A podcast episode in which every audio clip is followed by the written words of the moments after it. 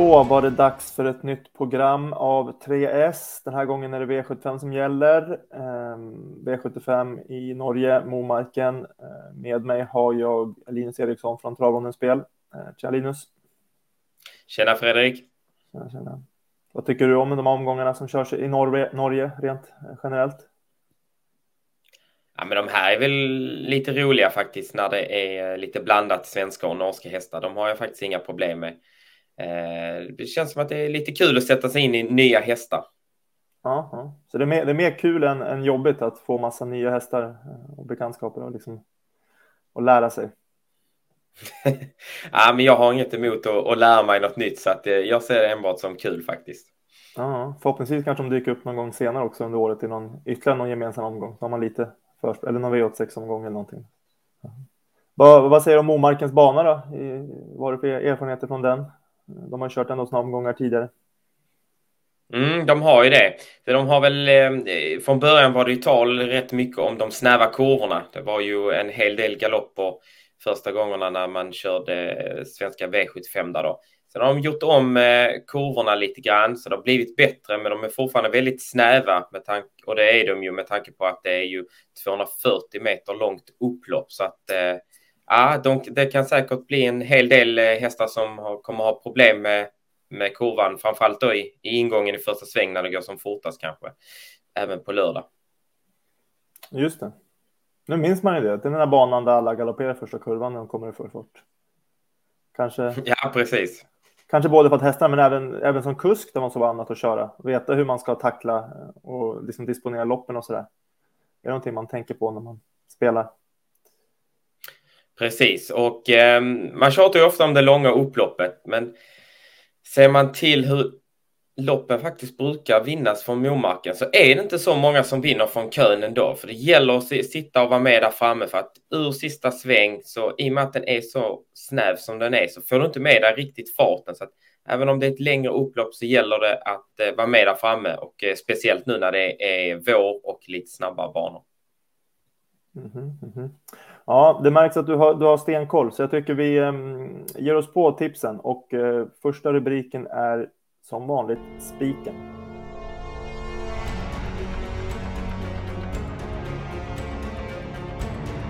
Yes, då var det dags att få en spik från Linus Eriksson. Eh, Linus, vilken är veckans bästa spik?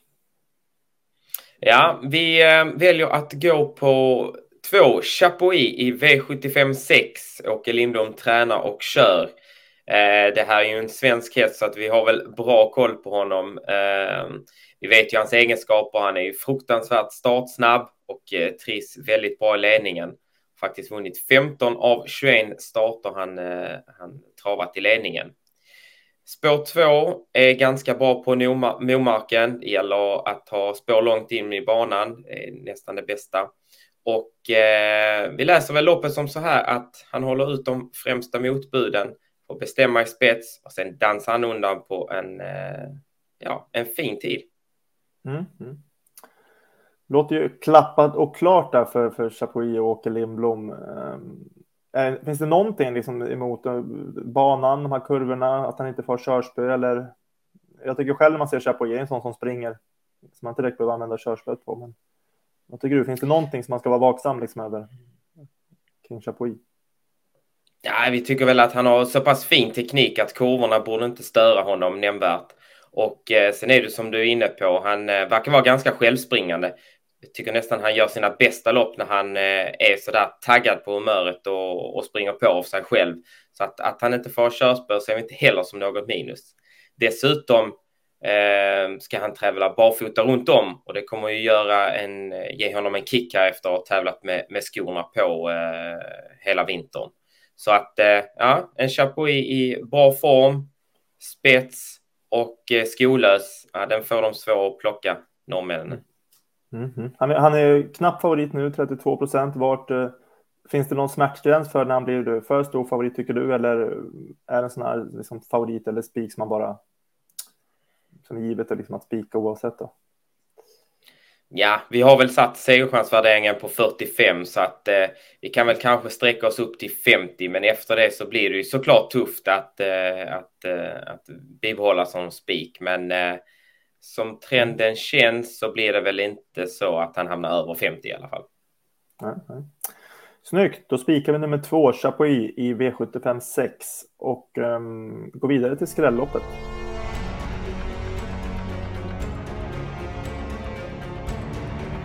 Skrälloppet. Jag tycker ofta vi brukar ha ett 15 hästars eh, storlopp som skrällopp, men eh, så är det inte den här veckan. Eh, Linus, vart, vart har vi skrälloppet den här gången? Mm, vi går på ett lopp som har blivit, som så stökigt ut på förhand, har blivit kanske ännu mer stökigt efter att de två förhandsfavoriterna har strykits. V75 5, det är ett kortlopp här, eh, kommer väl bli rätt jämspelat nu här efter, som jag sa, att de två förhandsfavoriterna har strukits. Eh, svårt att reda ut eh, riktigt hur det kan bli kört här nu. Eller ja, spetsstriden är väl ganska given att två The Baron tar hand om låter man inne på att köra där. Eh, hästen har dock visat eh, ett flertal gånger att han kanske inte är som allra bäst när han får löpa ut i ledningen. Och, även om Momarken, det, det, är bra med ledningen där, så är det ändå ett långt upplopp och just för en häst som har en tendens att stanna till slut är det kanske inte den bästa positionen. Nej, nej. Som du sa, det var två favoriter på förhand som är strukna. Brukar det innebära, när de då försvinner, blir det så att flera blir liksom taggade att eh, att ge kanske lite extra, att de ser sin chans att vinna nu när, när favoriterna försvinner. Det är fler som vill blanda sig i leken så att säga. Absolut, och det, det, är ju något man inte ska underskatta här. Från att kanske folk har eh, tänkt att ja, men jag ligger lite lågt, jag tar det lite lugnt, så, så lär ju säkert eh, fler få upp hoppet nu om att eh, kunna segerstriga. Så att eh, det kan bli lite körning här och eh, det är ofta körning som bäddar för skrällar. Mm, mm. Två hästar från framspår är strukna. Det innebär att det blir färre hästar att runda kanske för bakspårshästarna. Eh, är det någon från spår, ja, från bakspår 9 till 12 som man ska hålla extra koll på? Ja, vi tycker framför allt att vi vill lyfta fram eh, häst nummer 9, Only Be Kind To Me. Eh, rapporterna inför senast var att hon var ganska tunt jobbad. Uh, hon gjorde det ändå helt okej okay som tvåa, men utan att vara som bäst. Ska ha gått framåt med det här loppet och nu rycker man skorna runt om och eh, det har hon ju svarat bra på tidigare. Hon vann ju bland annat på ett mycket fint sätt för eh, i höstas i november när hon trots att hon fick gå utvändigt en stor del av loppet eh, vann på Jarlsberg på en ganska fin tid, 12 och 4 över kort distans. Jarlsbergs bana är visserligen snabb, men ändå. Eh, hon har rygg på just, eh, nämnde det två, The Baron och eh, kommer hon igenom bra där, hon är bra vass bakifrån också, då, då blir vi inte förvånade om hon speedar ner dem alla till slut. Nej, nej. Snyggt. Då garderar vi V75 och jobbar in en skräll och framförallt med två The Baron och nio Only Be Kind To Me eh, håller vi koll på. Så går vi vidare till eh, chaset.